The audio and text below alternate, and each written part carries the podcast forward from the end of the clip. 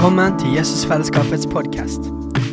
Vi håper budskapet i dag vil velsigne deg i din vandring med Gud. Og om du vil ha mer informasjon om menigheten, kan du gå inn på jesusfellesskapet.no.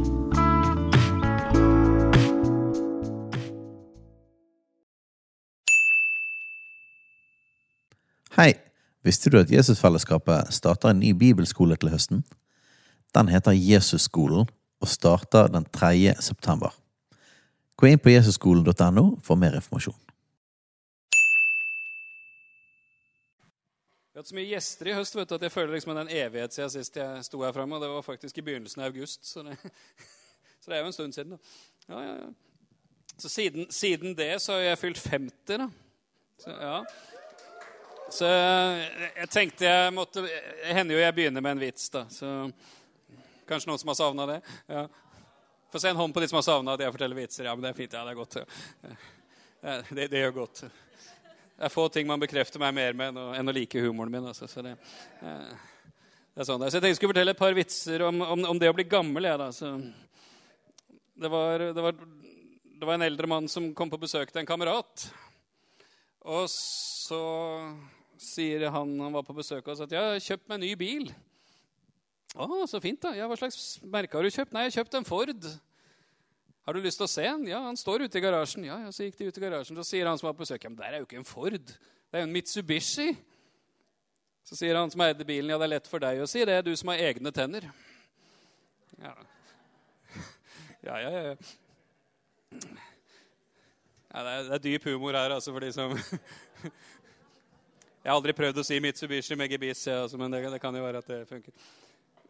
Så var det de to eldre parene som var ute og gikk en tur. Siden det er i Bergen, da, så var det selvfølgelig Fjellveien. Så var de ute og gikk. Det var en, det var en søndag, og så, sier, så gikk da de to karene først, og konen gikk litt bak og prata sammen. Og så sier han ene mannen til den andre Du, vi spiste på en så fin restaurant her i uka. Det var, det var veldig bra. Altså. Det var nydelig mat. og Ikke spesielt dyrt heller. Det var, det var veldig bra. Og så spennende, da, sier han andre. Hva, hva het den? Hvor ligger den?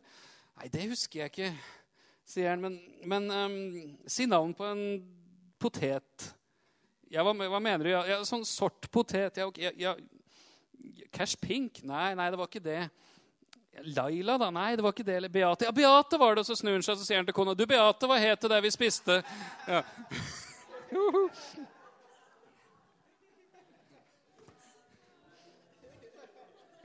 Jeg håper vi ikke har kommet dit enda, da, selv om jeg har fylt 50. men ok. Ja. Den her var spennende. Se hvor vi ender opp i løpet av, løpet av kvelden. OK.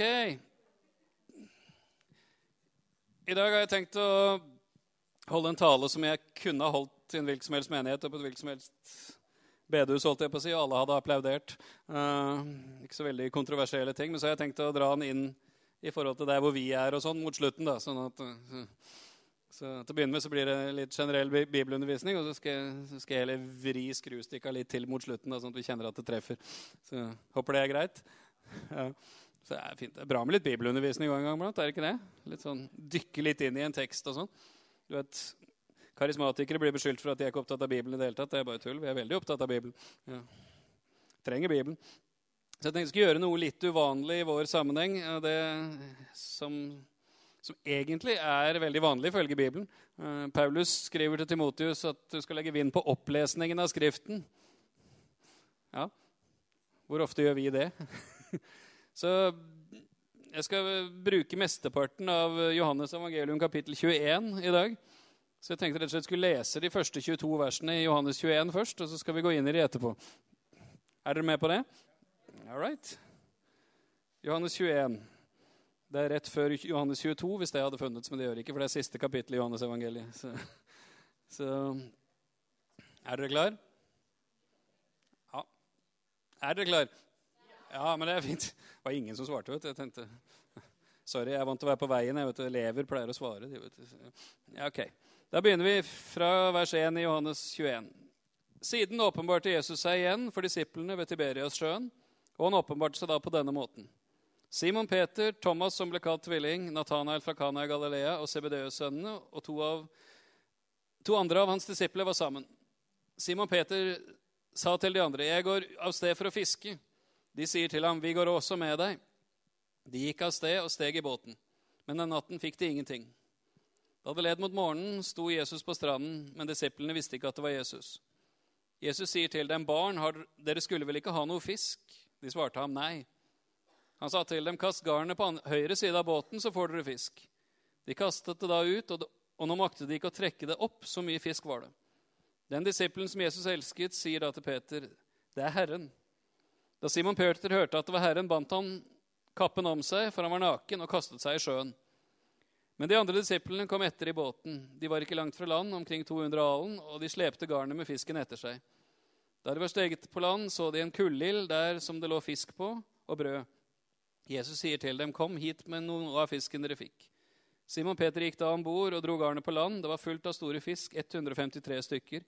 Men ennå det var så mange, hadde ikke garnet revnet. Jesus sier til dem, 'Kom og få dere morgenmat.' Men ingen av disiplene våget å spørre, 'Hvem er du?'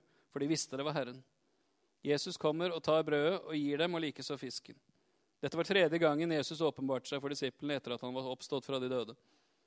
Da de hadde holdt måltid, sier Jesus til Simon Peter, 'Simon, Johannes' sønn, elsker du meg mer enn disse?' Peter sier til ham, 'Ja, Herre, du vet jeg har deg kjær.' Jesus sier til ham, 'Fø mine lam.' Igjen sier han til ham annen gang, 'Simon, Johannes' sønn, elsker du meg?' Han sier til ham, 'Ja, Herre, du vet at jeg har deg kjær.' Han sier til ham, 'Vokt mine får.' Han sier tredje gang til ham, 'Simon, Johannes' sønn, har du meg kjær?' Peter ble bedrøvet over at han den tredje gangen sa til ham, 'Har du meg kjær?' Og han sier til ham, 'Herre, du vet alt, du vet jeg har deg kjær.' Jesus sier til ham, 'Fø mine får.' Sannelig, sannelig sier jeg deg, da du var yngre, bandt du selv opp om deg og gikk dit du ville. Men når du blir gammel, skal du rekke ut hendene dine, og en annen skal binde opp om deg og føre deg dit du ikke vil. Dette sa han for å gi til kjenne hva slags død han skulle ære ham med, og da han hadde sagt dette, sier han til ham, 'Følg meg.' Da Peter snudde seg, så han den disippel som Jesus elsket, fulgte med.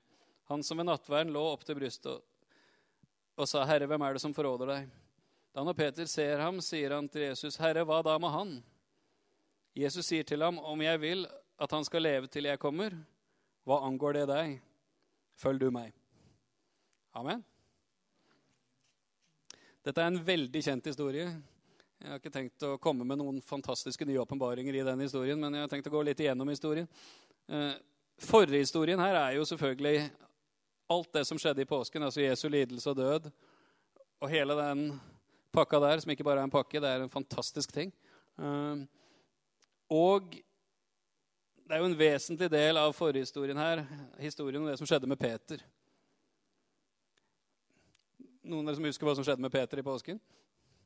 Påska begynte veldig bra for Peter. Han var høyt oppe. Om så alle andre forlater deg, skal jeg aldri svikte deg. ikke sant? Og om jeg så skal dø med deg, så skal jeg Så videre. Høy bekjennelse. Full pakke. Ehm, så blir Jesus tatt til fange, og han stikker. Sniker seg etter litt på avstand og kommer inn i yppersteprestens forgård, eller altså liksom gårdsrommet.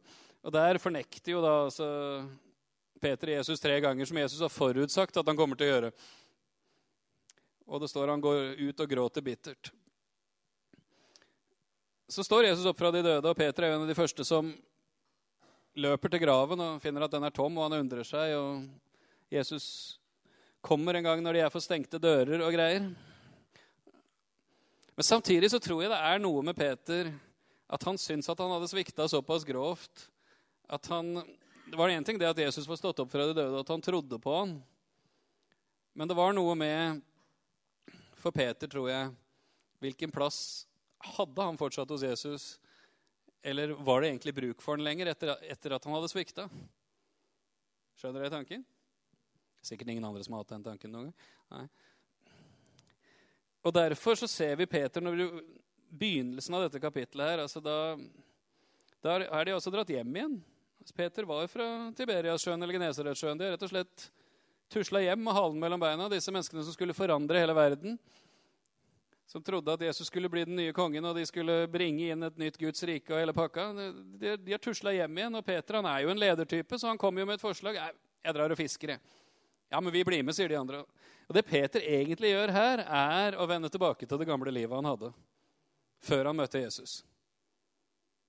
For hva var Peter når han møtte Jesus? Han var fisker. Og det han egentlig gjør her, I mangel av noe bedre så tyr Peter til det han kan. Så tyr Peter til det han har peiling på, det han er trygg på. Fordi Hvis du holder på hele natta, så er det ikke fordi du er hobbyfisker. som regel. Da er, er, er, du seriøst ute etter å få fisk her. Altså. Så, særlig hvis du ikke får noe hele natta. Da er, er, du ivrig på å fiske. Altså. Hilsen en som har prøvd noen ganger. Ja. Så kommer Jesus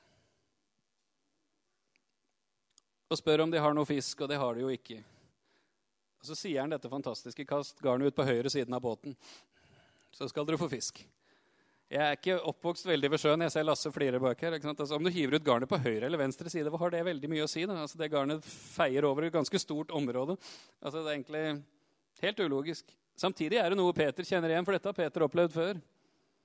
Første gangen han virkelig møter Jesus, så sitter Jesus i båten til Peter og underviser. Og når etterpå så ber han Peter om å legge ut til fangst. Han sier vi har strevd i hele natt og fått ingenting, men på ditt ord så skal jeg gjøre det. Og så får han jo tidenes fiskefangst. Det er jo der han blir kalt første gangen. For når det underet skjer kan lese detaljene om det i Lukas 5 så skjønner Peter og de andre som er sammen, at denne fyren her er noe mer enn et vanlig menneske. Og han sier, 'Gå fra meg, Herre, for jeg er en syndig mann'. Jesus svarer ikke engang. Han sier bare, 'Frykt ikke du, fra nå skal du fange mennesker'. Det var, det var der Peter fikk kallet sitt. Og Nå får han oppleve akkurat det samme, og de får en hel masse fisk. Jeg tror han begynner å tenke litt, Peter. Kanskje, ja, vent litt. Hmm, det, det, dette kjenner jeg igjen. Dette har jeg opplevd før. Hæ? Og så er det en av de andre da, som hvisker Det er vel Johannes. da, Han omtaler seg sjøl som den disippelen som Jesus elsket. Det er jo en ydmyk betegnelse, men ok. Ja. Som sier at det er Herren og så gjør Peter noe jeg syns er fryktelig rart. Da Simon Peter, Peter hørte dette, bandt han kappen om seg og kastet seg i sjøen. Liksom, når han hørte det, så kledde han på seg og svømte.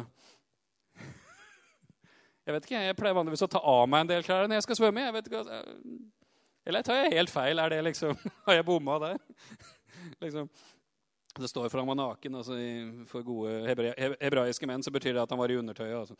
Så, jeg vet ikke om han ble forfjamsa, eller hva han ble, men det er ikke veldig logisk å kle på seg for å svømme. Ja. Ja, det var bare en liten detalj. Uh, og når de kommer til land, så har Jesus lagd bål. og Så drar de garnet opp, og så spiser de, og så får de, får de mat. Så sitter de der da ved en kullild, står det.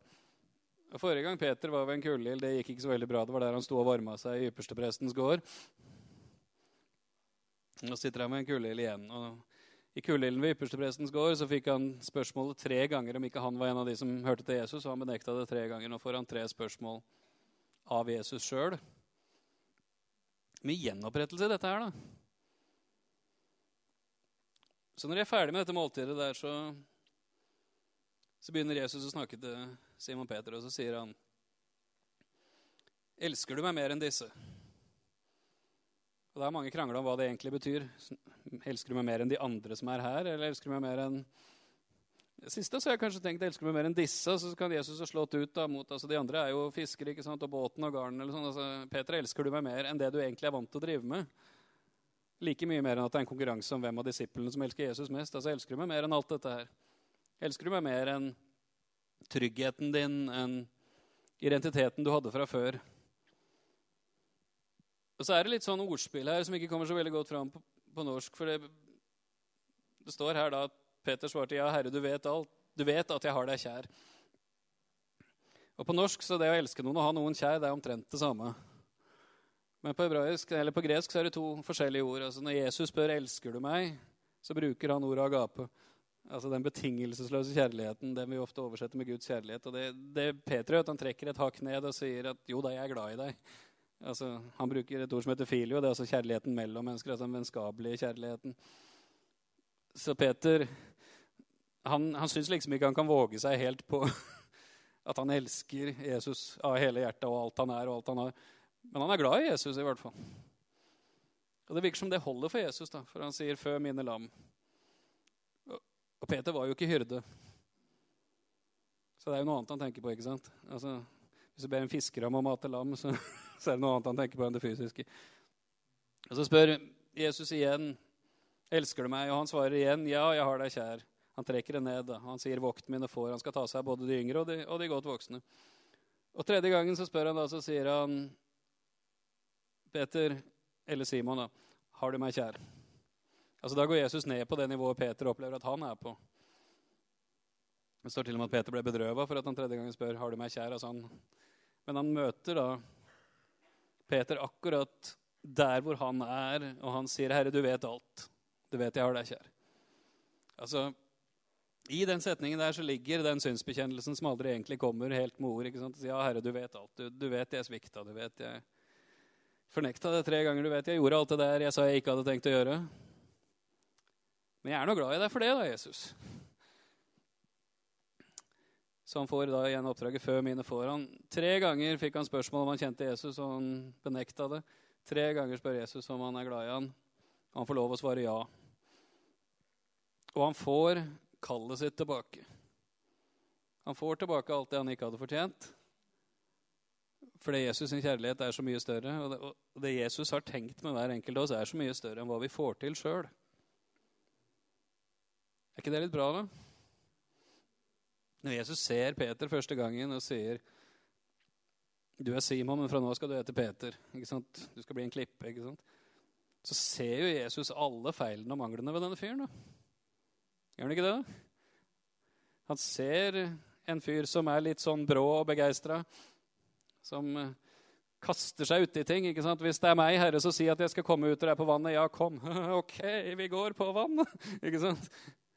Den historien er jo veldig ofte blitt brukt til at liksom Og han sank, og Jesus redda ham. Jeg syns det mest fantastiske er at Peter går på vannet igjen. Så? Peter er litt sånn, han er, han er litt ivrig og, og, klar for det meste. ikke sant? Og så, og så, synker han litt, og så går det litt på, på trynet. Men han, men han får en sjanse til, og han får kallet tilbake. Og han får alt det som Jesus hadde tenkt. Men det koster noe, da. Når han for tredje gang sier ja til Jesus, og sier ja til det kallet som Jesus hadde gitt han, så går Jesus over til å snakke om hva slags død Peter skal ære han med. Og Det er en eller annen greie som jeg tror vi veldig ofte, spesielt i vår del av verden, i kristenheten, ikke, ikke, ikke tar med alltid i forkynnelsen, er det at det koster noe å følge Jesus. Du får uendelig mye, men det koster noe også. Har du oppdaga det? Ja. Det hender det gjør det. Plutselig ha en annen herre enn seg sjøl. Det kan koste noe, det. altså. Det som er bra, er at han er mye bedre herre enn det du kan være sjøl. Det har vel Peter oppdaga her. Men det koster noe. ikke sant? Altså, Da du var ung, så bandt du opp om deg sjøl. Du gikk dit du ville. Når du blir eldre, skal noen annen binde deg og ta deg med dit du ikke vil. Dette sa han for å vise ham hva slags død han skulle ære ham med. Altså sier ja til Jesus sitt kall. Det kan koste noe. Når Peter får høre at han skal dø, da, så er jo Peter som de fleste av oss. ikke sant? Det første han da spør, er at han kikker bort på Johannes og sier, 'Ja, men hva med han, da?' Jesus sier, 'Ja, du skal gi livet ditt for meg.' Og hans første tanke er ikke 'Å, halleluja, jeg er akta verdig til å få lov å lide og dø for Jesus'. Nei, liksom, ja, 'Skal jeg dø? Ja, hva med Johannes, da?' Skal ikke han dø òg, da? Det er urettferdig. Skal jeg dø? ikke sant? Eh, fin variant, det der. Vi elsker å sammenligne oss, elsker å sjekke med åssen ja, de andre har det. Og Så sier Jesus kort oppsummert, ikke bry deg om han, du. Følg meg, du. Jeg har en plan for han, og jeg har en plan for deg. Følg meg, du. Fantastisk historie. Hvordan Jesus kommer og møter et menneske som ikke fortjente noe som helst, og gir han alt tilbake som han trodde hadde blitt borte. Sånn er Jesus fortsatt. Jeg vet ikke om du noen gang har opplevd at du føler at du svikter Jesus. Hender det jeg gjør, i hvert fall. Så kommer Jesus, og så gir han deg tilbake alt det du følte at du hadde rota vekk. Og Sånn kunne jeg holdt denne talen i en hvilken som helst menighet og på hvilken som helst bedehus hvor som helst i verden. Og så kunne jeg invitert fram alle de som ønsker å gi seg til Jesus på nytt, på tross av alle svik og feil vi har. og alt mulig sånt. Men jeg har ikke tenkt å gjøre det i dag. Må gjerne få lov å gjøre det. altså Det er bra, det. Hvis det talte til deg, så ta det til deg. altså Det er ikke det. Men eh, jeg tenker litt på oss, jeg. jeg tenker litt på JF og Veien og Nations Calling og alt dette her. så tenker jeg at kanskje, kanskje er vi litt der som disse disiplene var i begynnelsen av dette kapittelet. At vi er litt sånn litt i villrede og lurer på litt OK, altså Det har skjedd en del ting det siste året, og det har blitt en del forandringer her. og, og ja, Hva skal vi gjøre nå? Og kanskje, kanskje ja, jo, OK, vi var en ivrig gjeng som, som trodde vi skulle vinne verden og innta Europa hele pakka. Så nå er vi kanskje er vi ikke så mange som vi var, og, og litt sånn. Og. Åssen skal dette bli, liksom? Er det liv laga, dette her? Så kommer Jesus til oss. Og så spør han oss elsker du meg. Det er jo det han spør om. Han spør ikke er du klar for en ny økt, er du klar for å gjøre en ny innsats. Han spør elsker du meg.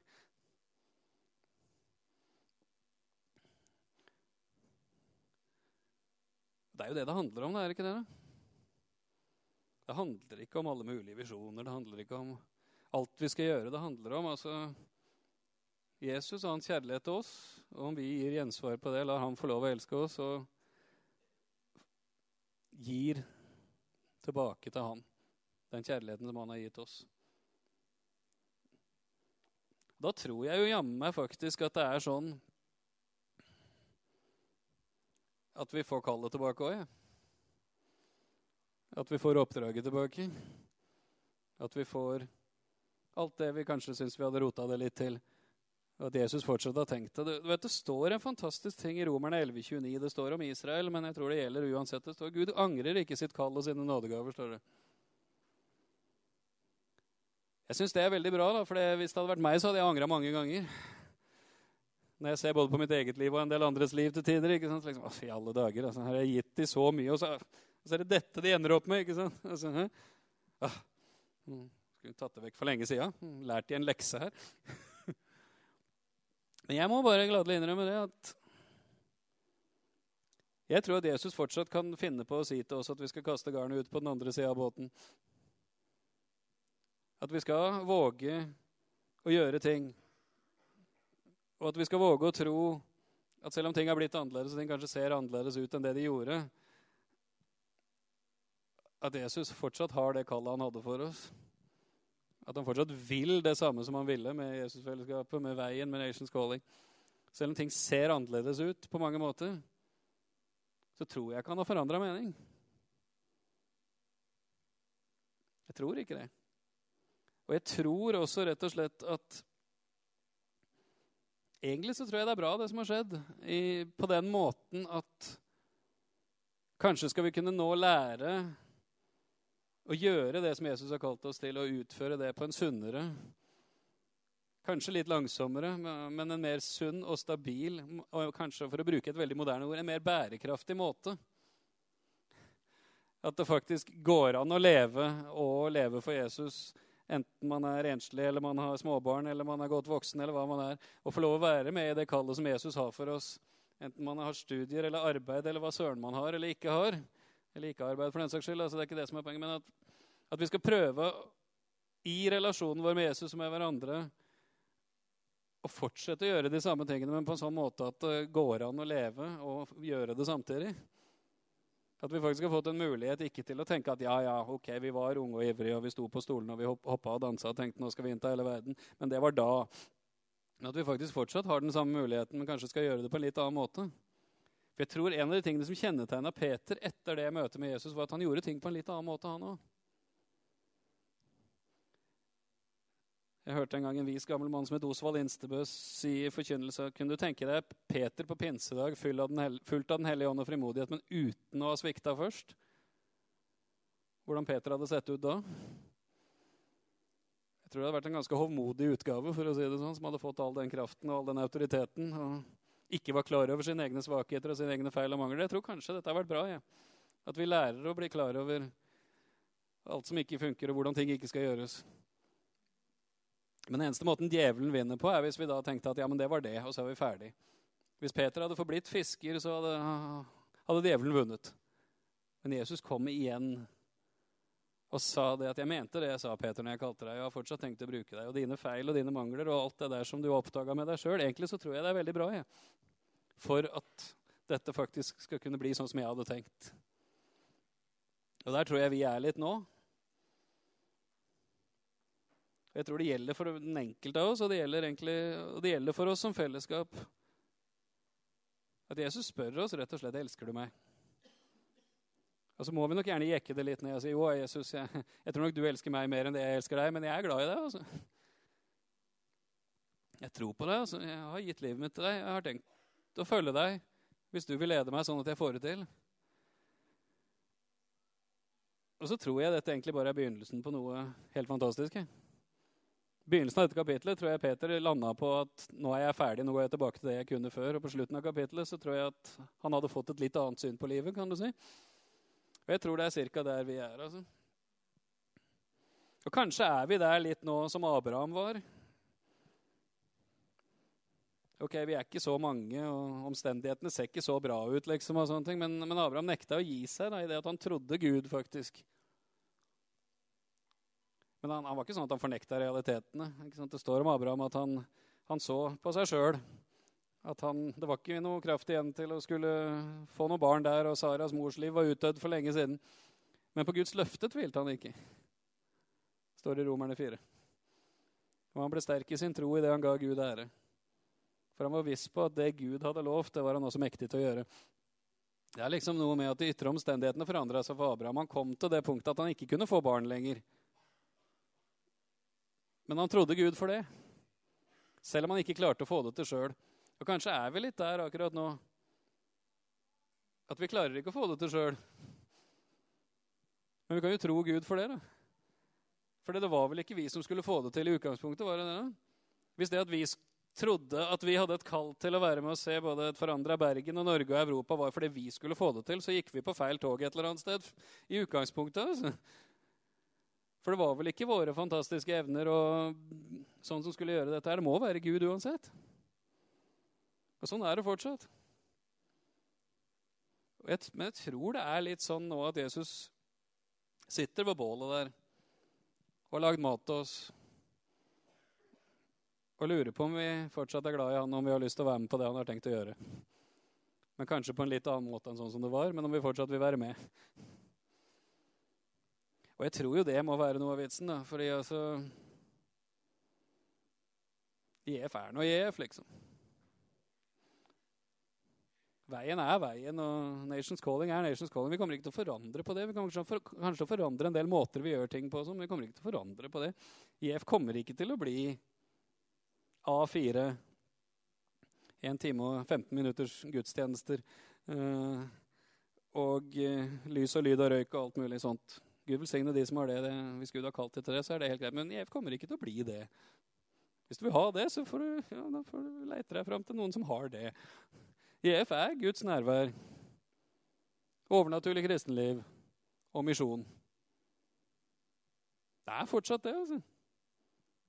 Er det ikke det? Eller har jeg tatt feil? Da tror jeg jeg må søke ny jobb. eller noe sånt.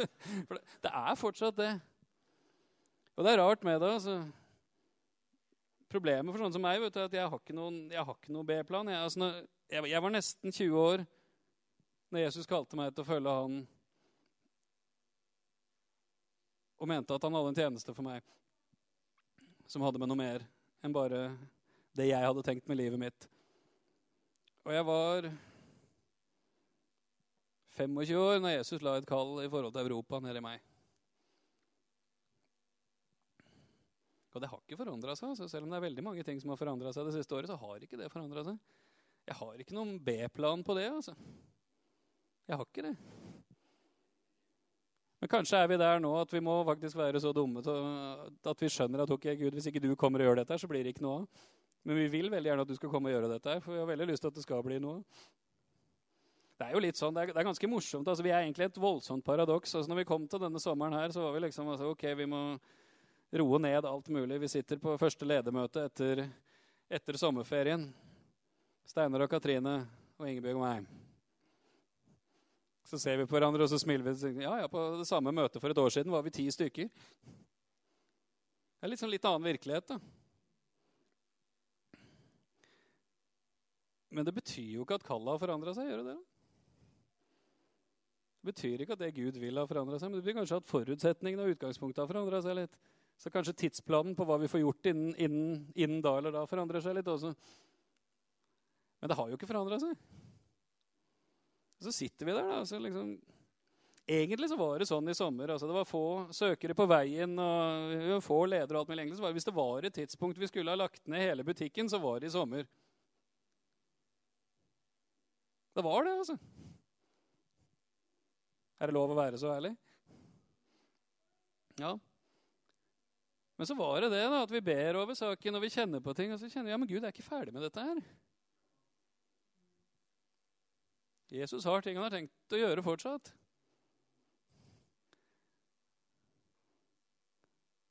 Og ja, ting er annerledes. og Kanskje får vi ikke de store stjernene fra Redding til å komme lenger og holde konferanser som det kommer 800 mennesker på. Men, men hva forandra det i Europa, da? Jeg må bare gladelig innrømme, jeg er blitt litt sånn lei av store konferanser og sånn. La oss sole oss i glansen av hverandres åndelighet og se hva Gud gjør, liksom. Altså. Jeg tenkte rett og slett uh, Tidligere så var det sånn Revival Alliance-konferanse i Tønsberg. Eller det var jo ikke Tønsberg, det var langt ute i Gok på et leirsted. Uh, konferansesenter, unnskyld.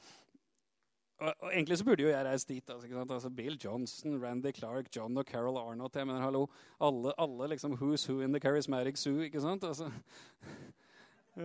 det fins faktisk en bok i USA som heter det. Den er ikke positiv om det vi driver med. bare for lov å si Det Det fins faktisk en bok som heter det.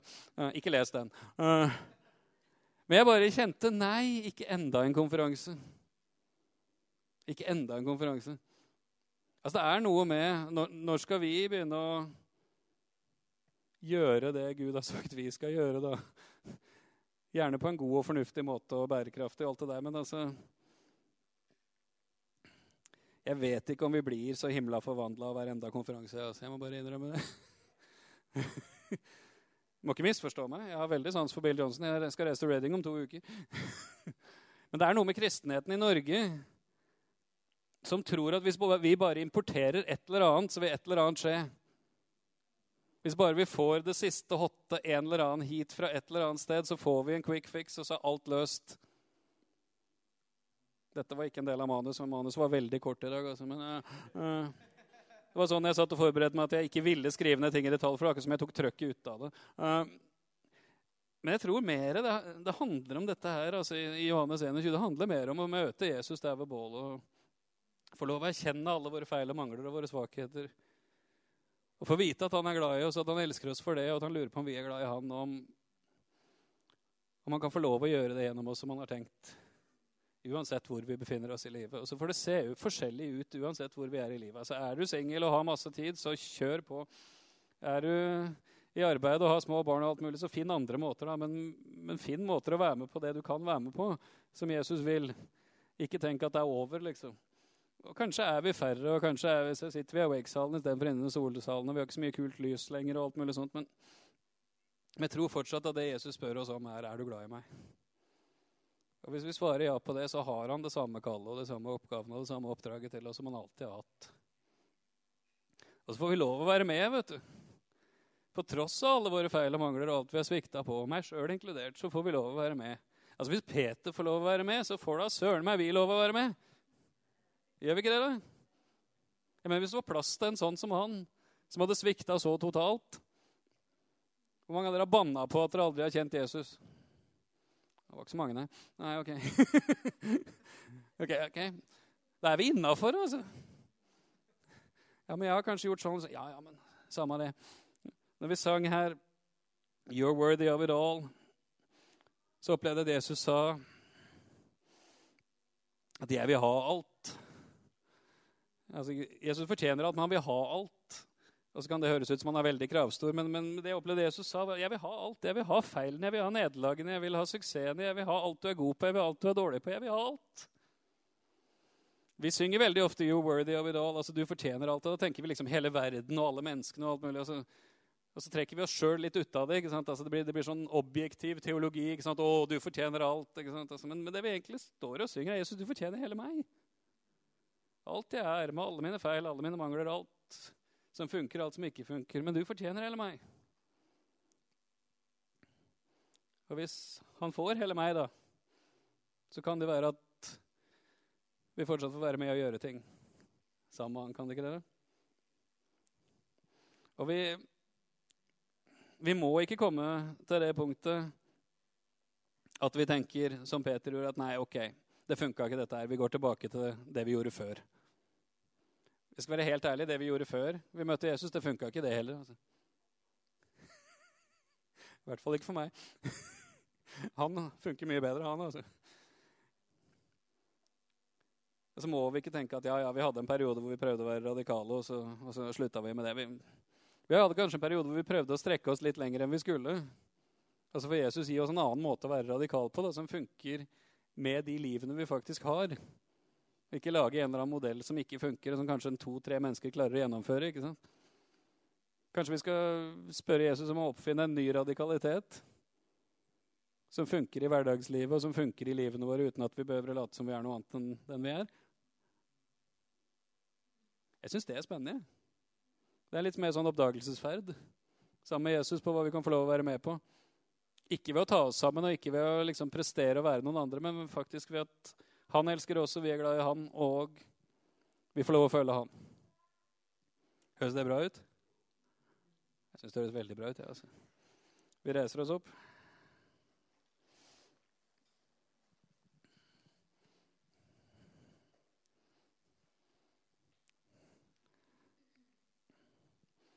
Og da er vi kommet til det punktet som jeg kunne ha kommet til litt tidligere i talen, men som jeg tenkte jeg måtte dra det inn til hvem vi er og hva vi driver med. Nå skal du få lov å lukke øya dine. Og så skal du se for deg deg sjøl med alt det du er, og alt det du har. Både gode ting og dårlige ting. Både seier og nederlag. Og så kan du få sette deg ned ved, ved bålet sammen med Jesus. Ved Genesaretsjøen. Hvis ikke du har vært der, så se det for deg. Du sitter nå ved en innsjø der med bål med Jesus. Og så lurer ikke Jesus på hva du har fått til, og hva du ikke har fått til, eller hvorfor du har svikta der, eller hvorfor sånn eller sånn. Han vet alt det der. Men det han spør deg om, er elsker du meg?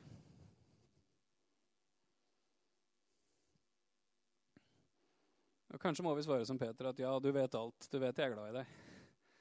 Jeg klarer ikke helt å ta elsker-ordet i min munn bestandig. Det virker som Jesus er fornøyd med det.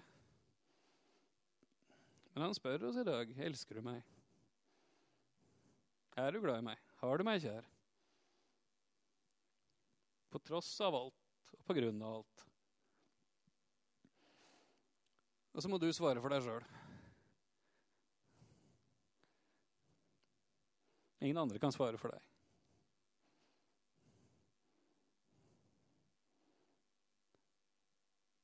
Så svarer du Jesus på det spørsmålet. Og når Peter svarte Jesus, så ga Jesus Peter kallet tilbake.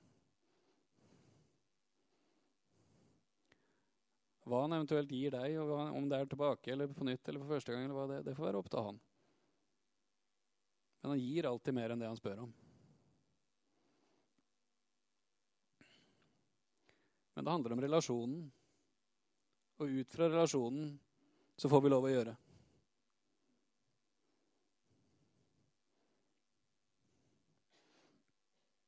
Så Jesus, vi, vi står her med deg nå. Og vi svarer deg, Herre, på ditt spørsmål. Så får du svare. Du kan svare inni deg. Det er en sak mellom deg og Jesus. Men vi svarer deg på det du spør oss om, Jesus.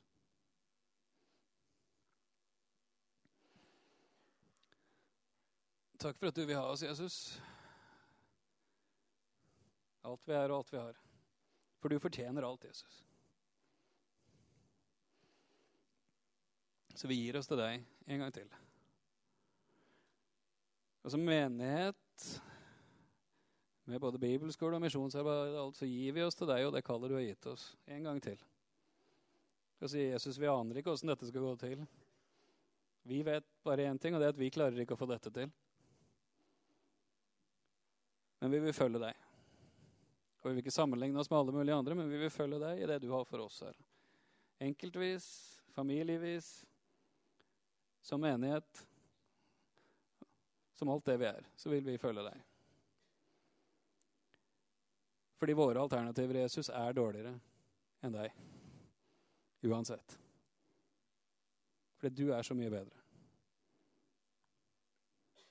Og det funker så mye bedre at du er Herre enn at vi er Herre Jesus. Men takk for at du gjenoppretter. Takk for at du tilgir, takk for at du reiser opp, takk for at du gir nytt mot. Du gir ny kraft, Herre. Og du angrer ikke ditt kall og dine nådegaver. Verken til oss enkeltvis eller i fellesskap. Så vi sier ja, Jesus. Og så burde det være opp til deg hva det blir. Men vi vil følge deg.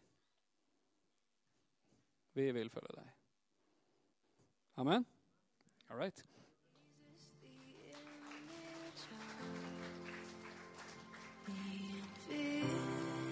invisible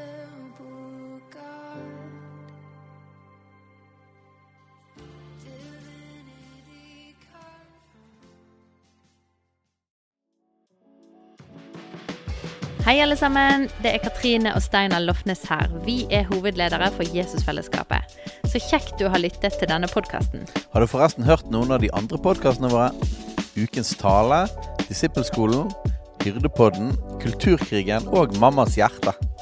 Du finner disse podkastene på Spotify, Apple Podkaster og på nettsiden vår jesusfellesskapet.no.